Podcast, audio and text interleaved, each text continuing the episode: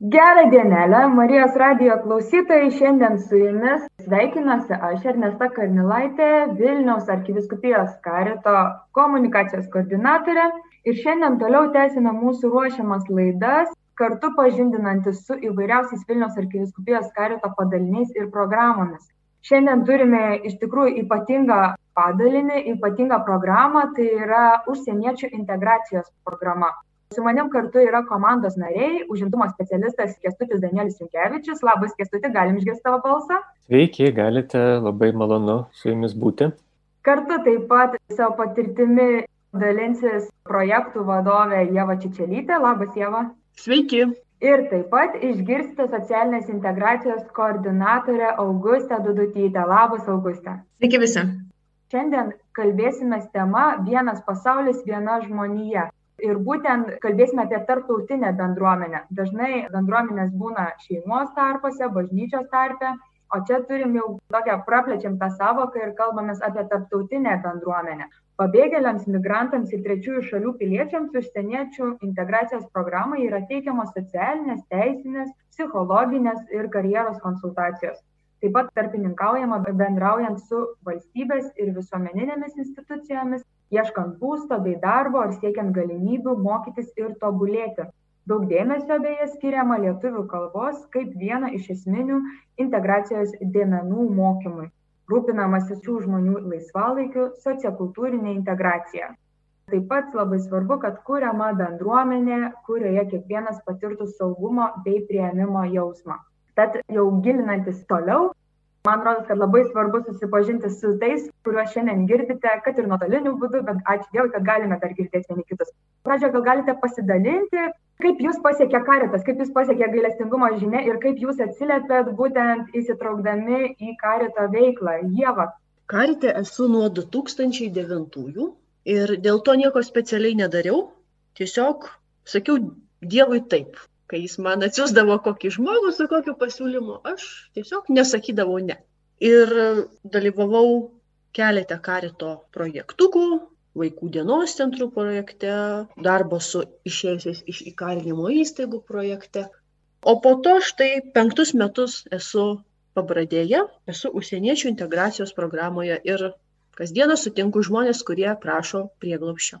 Ačiū, Jeva Augusta. Kaip tu? Kelionė karite kol kas yra daug trumpesnė jinai prasidėjo mažiau nei kad prieš metus balandžio mėnesį ir nors čia atsidūriau ganėtinai netyčiomis tiesiog pavadavau savo sesę kuri tuo metu rašė bakalauro darbą greitai pamilau šitą darbą ir atradau labai daug jame prasmės ir nuo tada čia pasilikau. Ačiū, Augustė.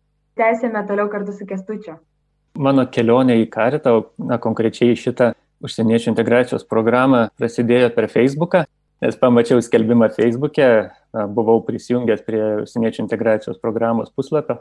Tai sakyčiau, tokia labai proziškai atrodytų tas mano patekimas, bet iš tiesų, na, visą laiką žinojau, kas yra karitas, ką karitas veikia ir taip vis pagalvodavau, kad būtų visai smagu veikti ką nors kartu. Ir čia gal taip sakyčiau, pajokausiu, bet kai nori kažką daryti, kad visiems būtų gerai, bet nežinai, ką daryti. ir tada staiga pamatai skelbimą, sakai, o, gal čia yra tas variantas, kai kartu ir dirbi, ir darai kažką gero, ir žmonėm padedi, ir taip gali išgelbėti pasaulį, bet jau apie tai gal vėliau, nes pasirodo, kad pasaulį išgelbėti reikia labai, labai pabiškiai ir labai nuo paprastų dalykų. Ačiū, Kestutė. Iš tikrųjų, man visą laiką labai įdomu būna žmonių istorijos, kurios patraukia būtent į karitatyvinę veiklą, nes visus pasiekia įvairiausiais kanalais, įvairiausiais laikotarpiais ir tas tik praturtina mūsų bendruomenę. Kartu gilinantis į migracijos temą, jūsų darbą, kuris yra susijęs, tikriausiai nesuklysiu, didžiausia dalimi su pabėgėliais, migravusiais ne savo noru, gal galite pasidalinti jūsų kasdienybėje, kur matosi, kur prasideda migracijos problema ir su kokiomis baimėmis, sunkumais atvyksta į Lietuvą būtent jūsų sutinkami žmonės. Jūs teisingai, Ernesta, pasakėt, migracija gali būti tiesiog migracija ir jinai gali būti priverstinė migracija. Ir tame taške, kada mes ištariam žodį, aš nenoriu, bet man reikia, tada jau turbūt atsitinka pirmos problemos. Nes kyla klausimas, kodėl? Kodėl man? Mes pabradėje sutinkam žmonės vieni pirmų iš karito organizacijos, todėl kad tie žmonės atvyksta į užsieniečių registracijos centrą ir čia gyvena laukdami prieglapščio nuosprendžio, gaus ar negaus. Kodėl tas klausimas, kodėl yra? Dėl labai įvairių priežasčių. Be abejo, karai, tačiau dar yra toks dalykas nekonvencinis karas, toks pasyvus smurtas, kurį žmogus gali patirti dėl savo rasės, dėl tautybės, dėl lyties, dėl politinių nuostatų, dėl daugybės įvairių dalykų. Ir jis gali būti ir persiekiamas, ir kankinamas, ir terrorizuojamas, ir, ir kartai žmonėms reikia priimti tokį sunkų sprendimą, palikti savo namus. Dar yra tokia problema kaip klimato kaita. Žmonės kartais ieško būdo išlikti pačiu paprasčiausiu būdu turėti valgyti ir yra priversti keltis į kitas vietas. Gal šiek tiek papildyčiau, nes atkreipiau dėmesį, kaip formulavote klausimą, kur prasideda migracijos problema. Ir sakyčiau, kad kodėl problema, kur prasideda migracijos realybė. Nes tai yra realybė, kuri galbūt mums būna dažnai matoma kaip problema, bet jinai yra tiesiog yra taip, kaip yra.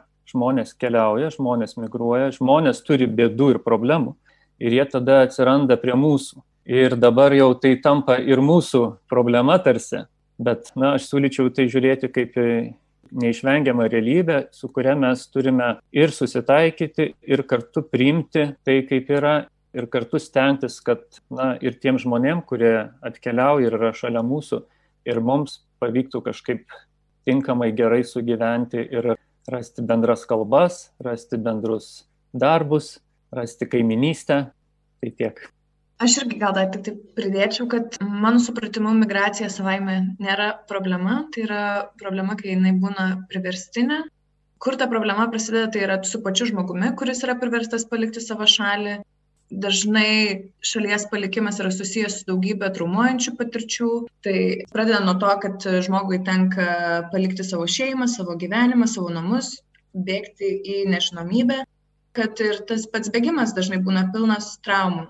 Viena iš mano šeimų dalinasi apie tai, kaip dėl sprogmenų neteko savo šeimos narių, rodė savo šautinės žaizdas, pasakojo, kaip yra tekę stovėti su šešiais vaikais ir kūdikiu ant rankos prie stovyklos Graikijoje tam, kad tave iš vis įleistų į vidų, kaip yra tekę gimdyti pabėgėlių stovykloje.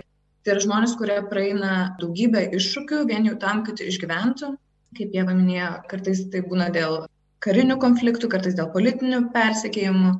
Skirtingose šalise yra skirtinga situacija, bet tiesa ta, kad netgi kai jie atvyksta į Lietuvą, tie iššūkiai čia irgi nesibaigia. Iš vienos pusės atrodo, kad va, jau atvykau prieglapščio valstybę, čia bus saugu, bet čia iššūkiai pasikeičia. Ir būtent šitoje vietoje mes ir atsidurime, kad padėtume su tais iššūkiais susitvarkyti. Iš tikrųjų, tarytum jaudinančios istorijos, kurias net sunku į lietuvišką realybę šiais laikais įtalpinti į Lietuvos realybės pasirėmus. Man labai įstrigo popiežiaus Pranciškaus žinia pasaulinės migrantų dienos proga prieš beveik aštuonerius metus, kai jis kalbėjo, kad migrantai ir pabėgėliai nėra pėstininkai ant žmonijos šachmatų lentos. Dar kai gilinausi ir apie būtent šachmatuose esančius pėstininkus, nu, vat, kaip tokį žemiausią vienetą, lengviausiai atrodo išnaudojama ir pastumiama ir jeigu tenka kažką aukoti, tai jie būna pirmoji vietoje.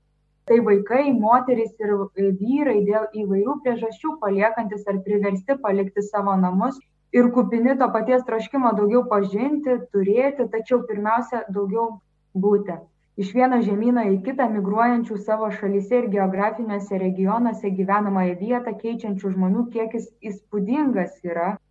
Migracijos tikrovė verčia veikti naujai, teisingai, veiksmingai, o šitai neįmanoma be tarptautinio bendradarbiavimo ir gilaus solidarumo, be atjautos dvasios gal tada vat galėtumėt kiekvienas iš jūsų ir pasidalinti tuo bendradarbiavimu, solidarumu ir atjauta, kurią kiekvienas iš jūsų savo srityse sutinkate ir kurią galite padėti kitiems žmonėms.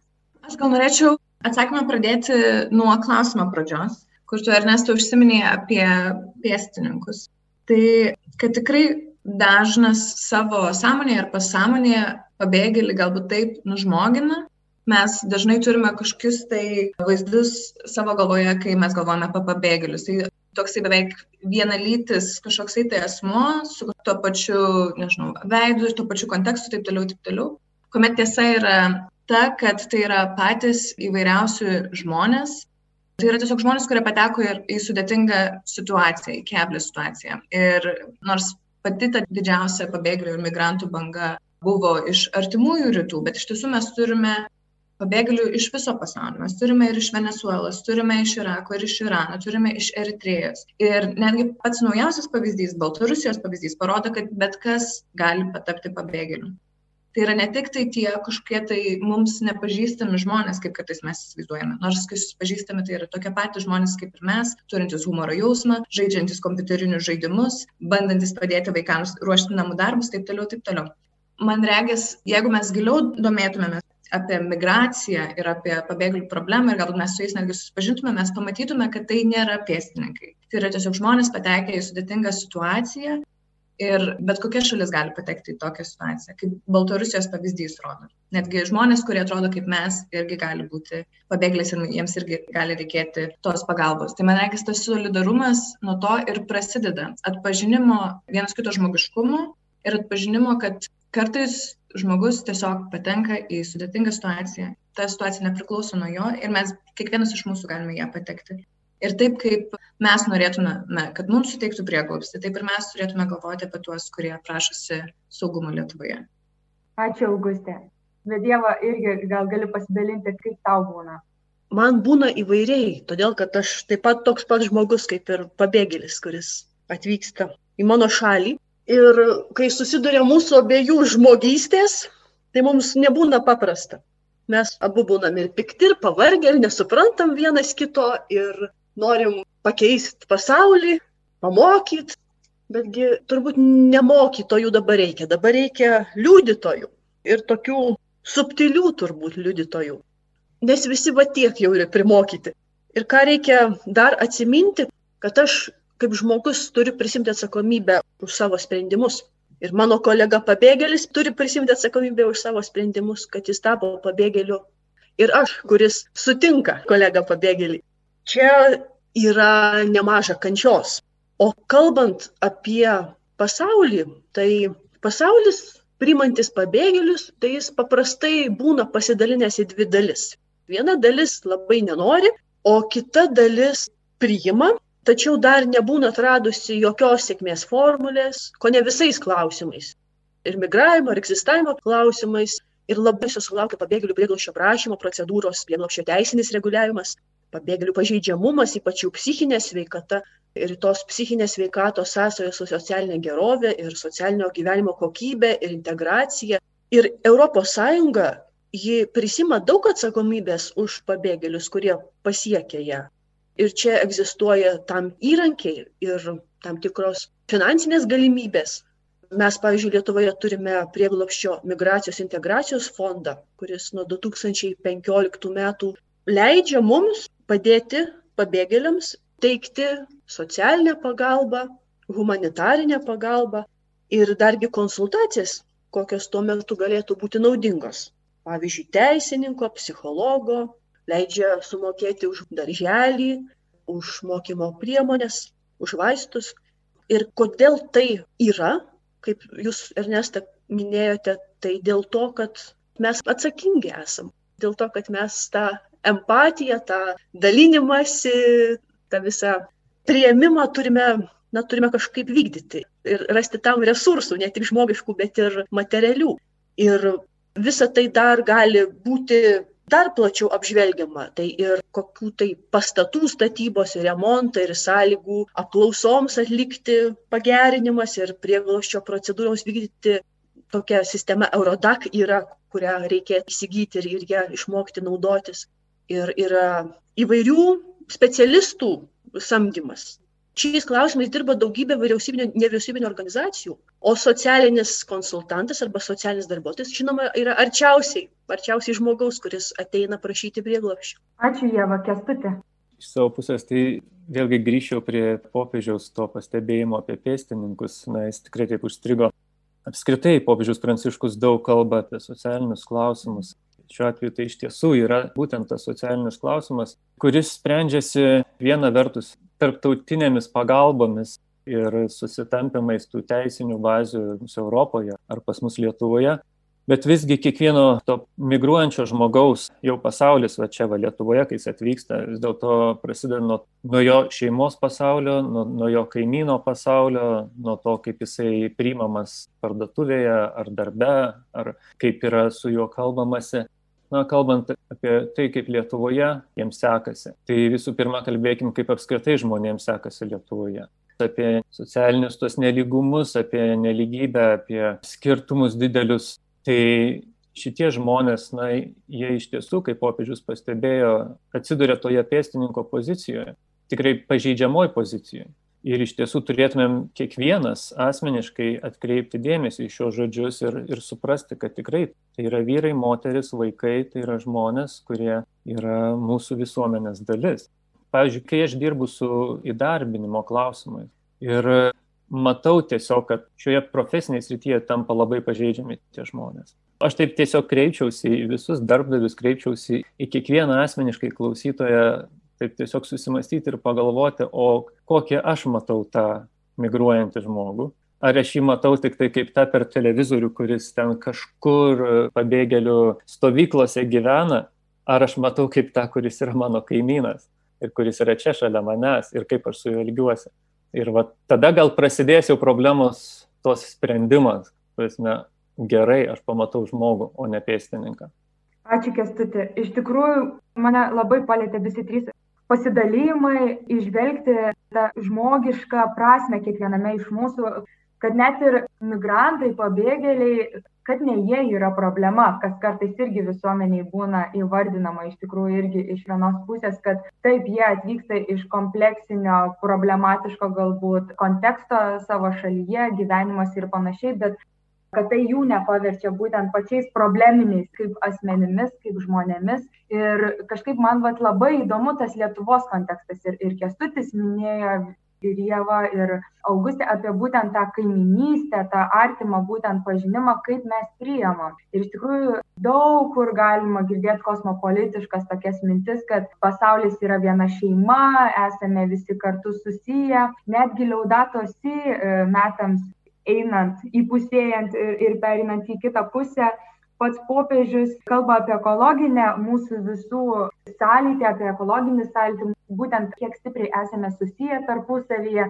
Galvoju, kokią dar matot gal konkrečiai Lietuvoje situaciją tarpusavio, kiek mes esam susiję, kiek Lietuvoje gebame iš tikrųjų priimti iš užsienio atvykusius žmonės, ar gal jums tenka su kažkokiais mitais susitikti, kad vis dėlto užsieniečiai nori pagrobti mūsų darbus arba pagrobti kultūrą, tautinis visokius savitumus, kuriuos gal per 30 trumpų metų dar nepriklausomybės patys tik bando formuotis, būtent matyti tą toliau.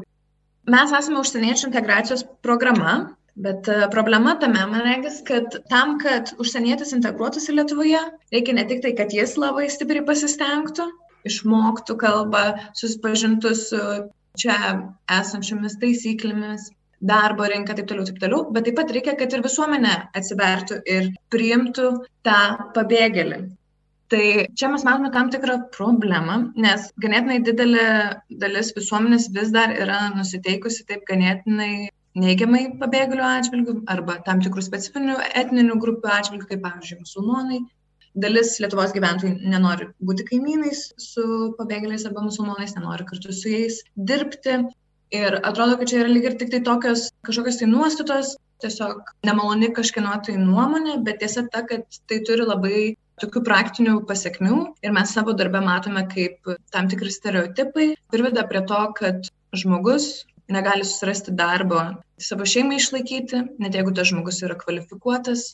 Turime daug atvejų, kai atvyksta žmonės fizikos daktarai, akademikai, pilotai, savo verslų įkūrėjai ir atvykę į Lietuvą dėl tam tikrų šankstinių nuostatų arba jų kompetencijų neįvertinimo negali susirasti darbo.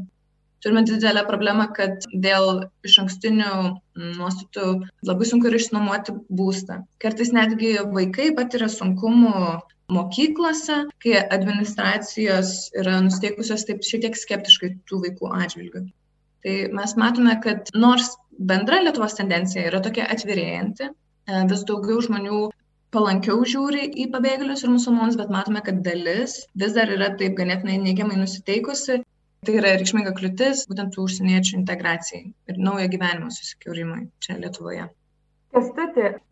Taip, kadangi buvo minimi įsidarbinimo klausimai, ir iš tiesų tas labai susiję prieimimas ir, ir paskui jų integracija, tiek profesinė ar tenai sociokultūrinė integracija. Na, aš tai sakyčiau, kad čia nėra tik tai, kad Lietuvos problema, manau, kad apskritai priimti kitą, priimti kitokį yra sunku.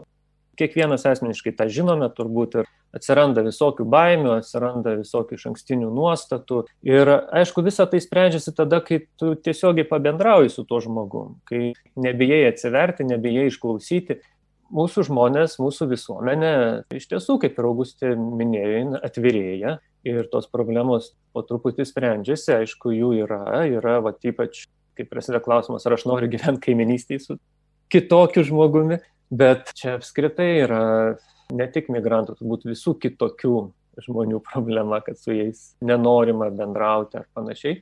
Kitas dalykas, aišku, yra sistematiškumo klausimas, prasme, būtent migracijos politikos pačios sistemos klausimas.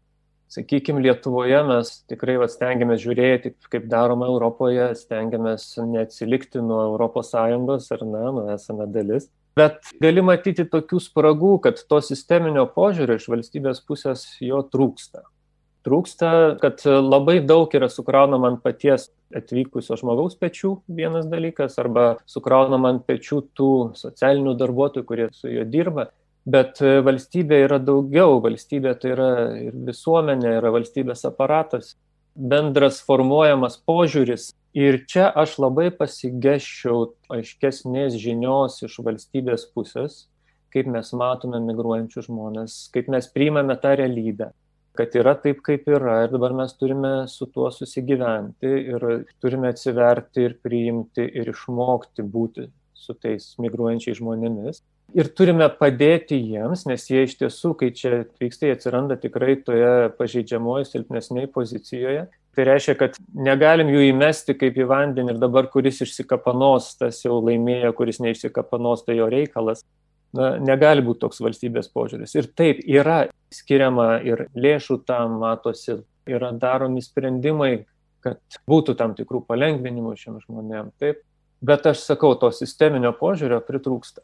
Ir iš tiesų politika, čia jau gal toks kreipimasis į politikus, kad reiktų kuo mažiau baimių, reiktų kuo mažesnio skepticizmo ar to rodymo, kad jūs atvykote čia, tai jūs dabar labai taip iš karto išmokite būti mūsų visuomenėje, išmokit prisitaikyti, išmokit tapti staiga lietuviais per penkias dienas. Ne, ne, taip nėra. Jiem tikrai yra sunku, jiem reikia patiem persilaužti, patiem susimotivuoti, patiem susiprasti, kur jie atsirado ir kokia čia yra valstybė, kaip čia viskas vyksta. Nes iš tiesų sociokultūriniai skirtumai yra didžiuliai ir turėtume tai įvertinti, turėtume suprasti tai.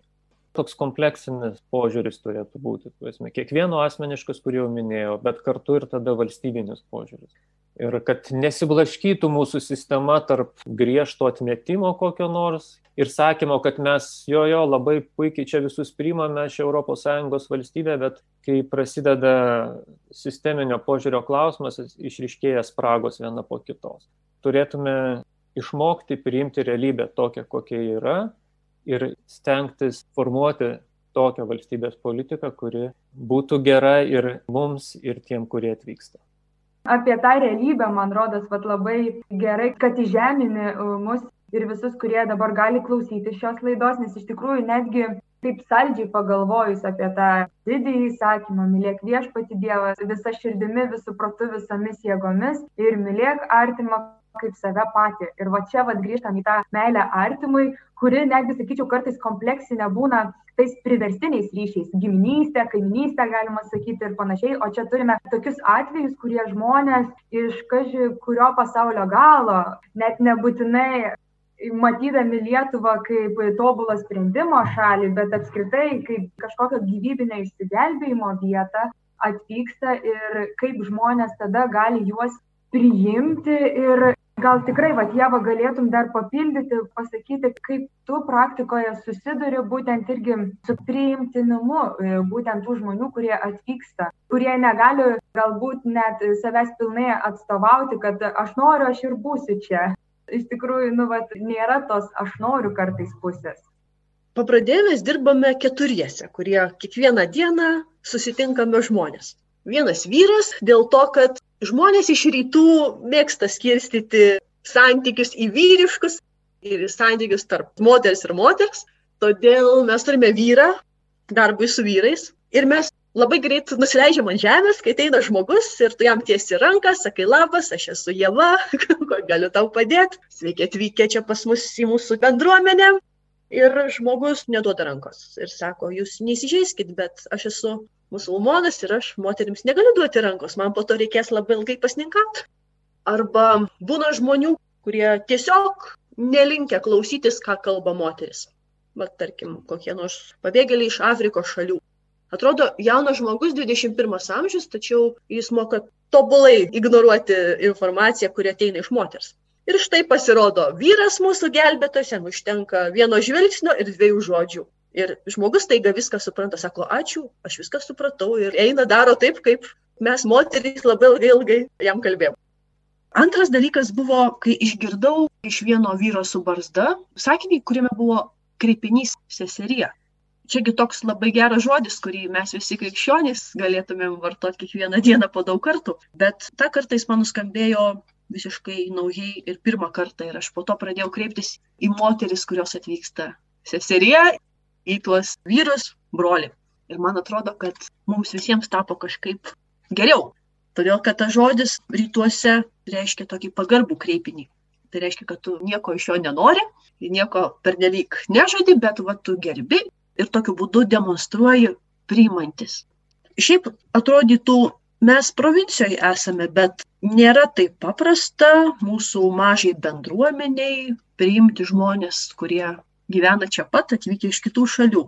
Su kolegomis sugalvojame, kad reikėtų pačius migrantus įtraukti į tą pažindinimuose etapą ir susibūrė tokia menininkų, kuriejų, dainininkų, muzikantų, tapytojų, performancistų grupė, kuri pasivadino Los Todos, tai reiškia visi ispanų kalboje.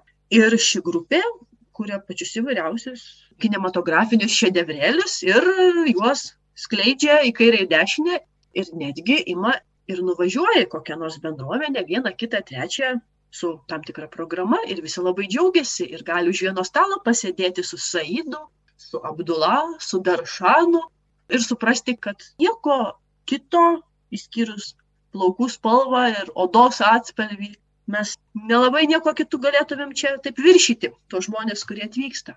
O be abejo, žmonės iš rytų labai mėgsta bendrauti. Ir jiems šeimininiai ryšiai, jiems artimi socialiniai ryšiai labai svarbu.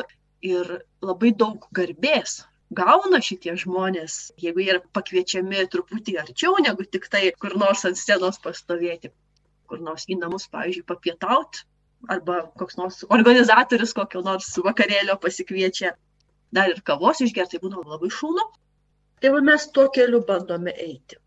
Ačiū, Jeva kadangi kalbam apie visuomenės jautrinimą kas man rodos yra viena iš pagrindinių taip pat ir užsieniečių integracijos programos misijų tai būtent irgi vis skaitant Duketo leidinį, tą, ką daryti ir bandant čia, šioj laidoje atsakyti į tą klausimą, ką daryti, irgi teko susidurti su tokia įdomia mintimi, kad sako, kad visada buvau įsitikinęs, kad meilės priešingybė yra ne neapykanta, bet abejingumas tikėjimo priešingybė yra ne puikybė bet abejingumas. Ir vilties priešingybė yra ne neviltis o abejingumas. Ir būtent kad abejingumas tai ne proceso pradžia bet proceso pabaiga sako elvislis tai vat būtent apie tą žinią kurią nešate jūs kaip jums sekasi būtent irgi kurti tą ryšį tarpusavio pasitikėjimą visuomenėje ar tenka daugiau susidurti tuo abejingumu visuomenės, ar iš tikrųjų gal ne, nepažinimu tam tikru? Auguste. Tai aišku, mūsų visuomenė yra visokių atvejų, visokių žmonių.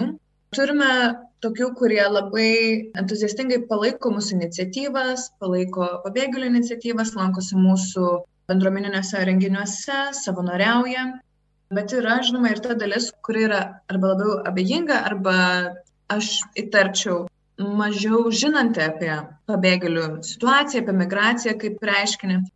Neseniai skaičiau vieną jungtinių tautų straipsnį, kuriame kalbama apie tai, kad dažnai neigiamas iš ankstinės nuostatos pabėgėlių atžvilgių yra suformuojamos būtent iš informacijos neturėjimo, o ne iš asmeninės patirties. Iš tiesų, turbūt jeigu daugelis ir mūsų pažiūrėtume į tai, kaip mes formuojame savo pažiūras, mes pamatysime, kad jos yra tai, kada kyla iš kažkokios tai asmeninės patirties. Tai mano supratimu, vienas geriausių būdų susidaryti įspūdį, susidaryti nuomonę apie pabėgėlius, įsitraukti galbūt į jų integraciją yra to santykio kūrimas. Čia norėčiau pakviesti visus, kuriems yra smalsu, kurie galbūt norėtų daugiau sužinoti apie pabėgėlius arba tiesiog norėtų prisidėti prie tokios socialiai atsakingos iniciatyvos, kreiptis į karitą. Mes organizuojame bendruomeninius renginius, kur mes galime visi švęsti mūsų įvairovę. Pavyzdžiui, pasaulinė pabėgėlių diena yra proga, kai ne tik tai pabėgėlių bendruomenė tarpusavį bendrauja, bet ir platesnė Lietuvos visuomenė yra pakviečiama prieiti, susipažinti, pamatyti, atvykę pamatysite, kad pabėgėliai nėra kažkas tai kitas. Tai yra kažkas, su kuo tu gali sėdėti, juokauti, dalintis maistu, dalintis muziką, kartu gal eiti šokti, kalbėtis, užjausti, būti paliestam, susigaudinti ir taip toliau, taip toliau. Tai vienas vaistas mūsų nejautrumai yra tiesiog santykis ir kitas būdas yra savanoriavimas. Turime iš tiesų nuostabius savanorius, kurie neša mūsų programą ant pečių. Tai irgi klausimas, ar taip turėtų visą laiką būti savanoriai, kad galbūt mes galėtume kartais ir daugiau resursų sulaukti iš valstybės. Bet e, taip pat savanorystė yra irgi puikus mechanizmas ir procesas šviesti visuomenę ir prisidėti prie socialiai atsakingų iniciatyvų ir kaip dalinasi mūsų savanoriai savo liudijomuose, kad tai yra tikrai prasminga veikla, akis atverinti veikla, kai tu padedi vaikui, kuris iki galo lietuvių kalbos nesupranta, kaip daryti namų darbus, kai tu tiesiog susiskaipinė ten su moterimi iš Sirijos tam, kad klausijos labas rytas ar papusryčiavai tam, kad ilgainiui jinai praktikuotų savo lietuvių kalbą. Tai yra tokios mažos prasmingos iniciatyvos, kurios iš vienos pusės yra labai reikalingos mūsų atvykėliams, iš kitos pusės šviečia visuomenę, padeda visuomeniai atsiverti, jautrėti ir irgi jaustis lyg prisidėjus prie prasmingos iniciatyvos. Ačiū, Augustė, už tokį išsamų irgi matymą būtent to artumo, kurį galime kurti kartu ir kaip tą abejingumą galėtume paversti tikrai tikėjimu, viltimi ir meilę. Ir iš tikrųjų, užsieniečių integracijos programa jau daugiau nei 20 metų funkcionuojanti ir tarytum prasidėjo nuo vieno žmogaus, kuris daug metų, gal daugiau nei 10, vienas prisilietė, galima sakyti, prie šios socialinės grupės kaip migrantų ir dabar šis padalinys yra vienas didžiausių Vilniaus arkiviskupijos karito bendruomenėje. Ir aš galvoju, kad iš tikrųjų su daugybė labai skirtingų žmonių jums tenka susidurti. Ir tie skirtumai, tai yra rasių, tautų, religijų, tradicijų skirtumai, Ir, pavyzdžiui, Kestuti, gal gali tu pasidalinti, kaip tau pačiam asmeniškai sekasi tai priimti, tai suderinti tiesiog ir su asmeninė tavo pozicija, kaip lietuviui, kaip tikinčiam, kaip vyrui, nu, va, įvairiausių tų niuansų, kaip išgirdom, gali būti. Iš tiesų, tų skirtumų tikrai labai daug ir man pačiam asmeniškai tikrai reikia daug ko išmokti. Nuo 19 metų rudens per tą laiką, sakyčiau, tikrai labai daug ko išmokau, daug ką pažinau ir pats save pažinau tam tikrą prasme. Ir apie tai, ką Jėva minėjo, taip, pavyzdžiui, jei ten neduoda vyras rankos, o man, pavyzdžiui, yra sudėtinga, na, nenori su manim vienoj patalpoje būti moteris. Ir lygiai taip pat, aišku, rankų tai jau tikrai nespaudžia. Yra tikrai daug tokių dalykų, kurie ištinka bendraujant su šiais žmonėmis, bet tai tikrai nėra dalykai, kurie atstumtų ar kažkaip priverstų galvoti, kad ne, jie yra kažkokie jau tokia kitokia, kad aš su jais negaliu bendrauti. Tikrai taip nėra. Bet apskritai gal šiek tiek grįžtant prie ankstesnių klausimų ir apie tą prieimimą, aš sakyčiau, kad na, mūsų visuomenė, jeigu tai plačiau žiūrėti, tai man susidaro įspūdis, kad galvoja, jog tų migrantų pas mus apskritai nėra. Kad jie yra Vokietijoje, jie yra Prancūzijoje, jie ten kažkur tose migrantų stovyklose, bet Lietuvoje tai ne, ne, čia pas mus nėra paskui, kai pamato autobuse kitos rasės žmogų, galvoja, ai, tai čia gal koks netyčia atvykęs arba ten studentas, kuris taip pat išvyks. Kitas matymas būna, kad, na, jie čia atvažiuoja, čia tik tarpinė stotelė, jie taip pat iš čia išvažiuos. Norėčiau tokią žinią pasakyti žmonėm, kad taip nėra, tie žmonės čia gyvena ir gyvens. Mums, kaip ir minėjau anksčiau, reikės mokyti su jais gyventi. Dabar dėl to asmeninio prieimumo. Gerai, aš krikščionis, o dabar va čia musulmonas, tai kaip aš dabar su juo bendrausiu. Toks vienas iš patirtinių dalykų, kad spalio mėnesį, kuris yra rožinio mėnesis, ir mes kalbame su klientu musulmonu ir išeina kalba apie maldą, prasme, kaip jie meldžiasi. Sakau, štai aš turiu vatrožinį, aš juo meldžiuosi spalio mėnesį, parodau, kaip fiziškai atrodo rožinė, sako, oi, mes tokį labai panašų irgi turim, irgi meldžiamės, tik tai savaip. Aš taip labai dažnai įsitikinau, kad tie skirtumai, jie nėra tokie, kad tu jų nesuprastum ir nesugebėtum priimti.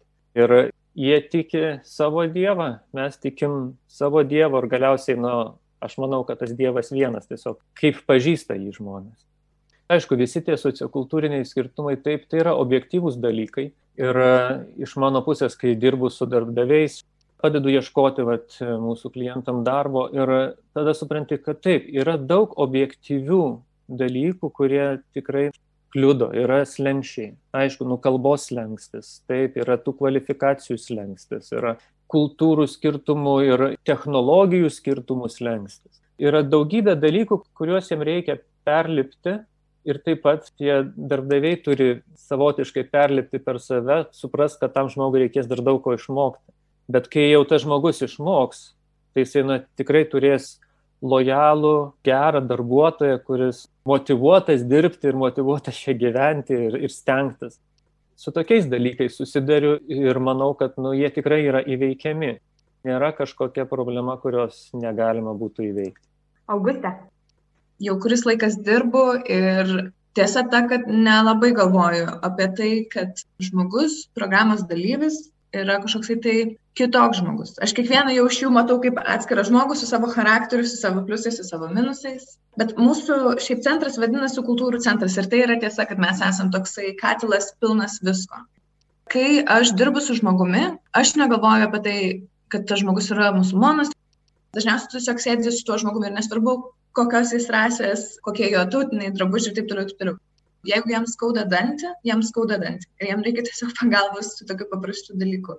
Ir didžioji dalis mūsų tų interakcijų yra tokios paprastos žmogiškos ir jos tiesiog yra grįstos tarpusavio pagarbą, dėkingumu, kantrybę ir kasdienybėje tai yra tiesiog darbas su programos dalyviu, bet kai kuriais momentais tai būna kaip ir toksai apsikeitimas savo mini kultūromis, kai tave pasveikina musulmonus su kalėdomis ir padovanoja rankų darbo šokolado, o tu pasveikini su Jalda ar Ramadanu, pasišypsai ir toliau taip kartu gyveni. Tai yra natūralu tarpusio pagarbą grįstas santykis, kuris turi savo tokių žavių momentų.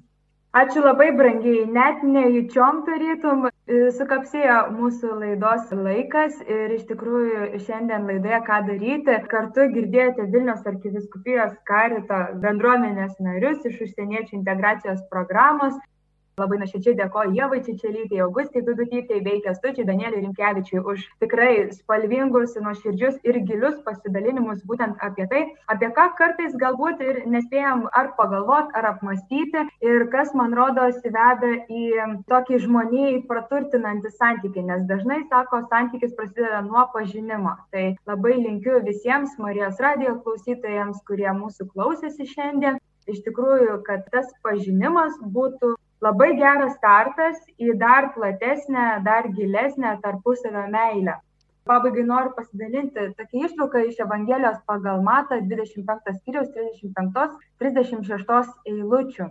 Nes aš buvau išalkęs ir jūs mane pavalgydinote, buvau ištroškęs ir mane pagirdėte, buvau keleivis ir mane priglaudėte, buvau nuogas, mane aprengėte, ligonis mane aplankėte, kalinys atėjote pas mane.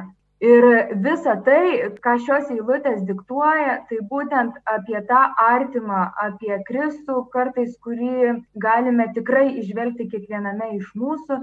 Mes Vilniaus arkiviskupijos kartė dirbdami su benamiais, pabėgėliais, sunkiai be pasiturinčiais žmonėmis, garbaus amžiaus ar vienišai žmonėmis, išgyvenančius sunkumus, su kitomis pažeidžiamomis grupėmis realiai galime prisiliesti prie šių vargų ir kurti pokytį. Ir kviečiame prisidėti prie to pokyčio ir jūs. Jeigu norite prisijungti prie mūsų, pildykite savanorių anketą internetu vilnius.karitas.lt, sekite naujienas užsieniečių integracijos programos Facebook paskyroje.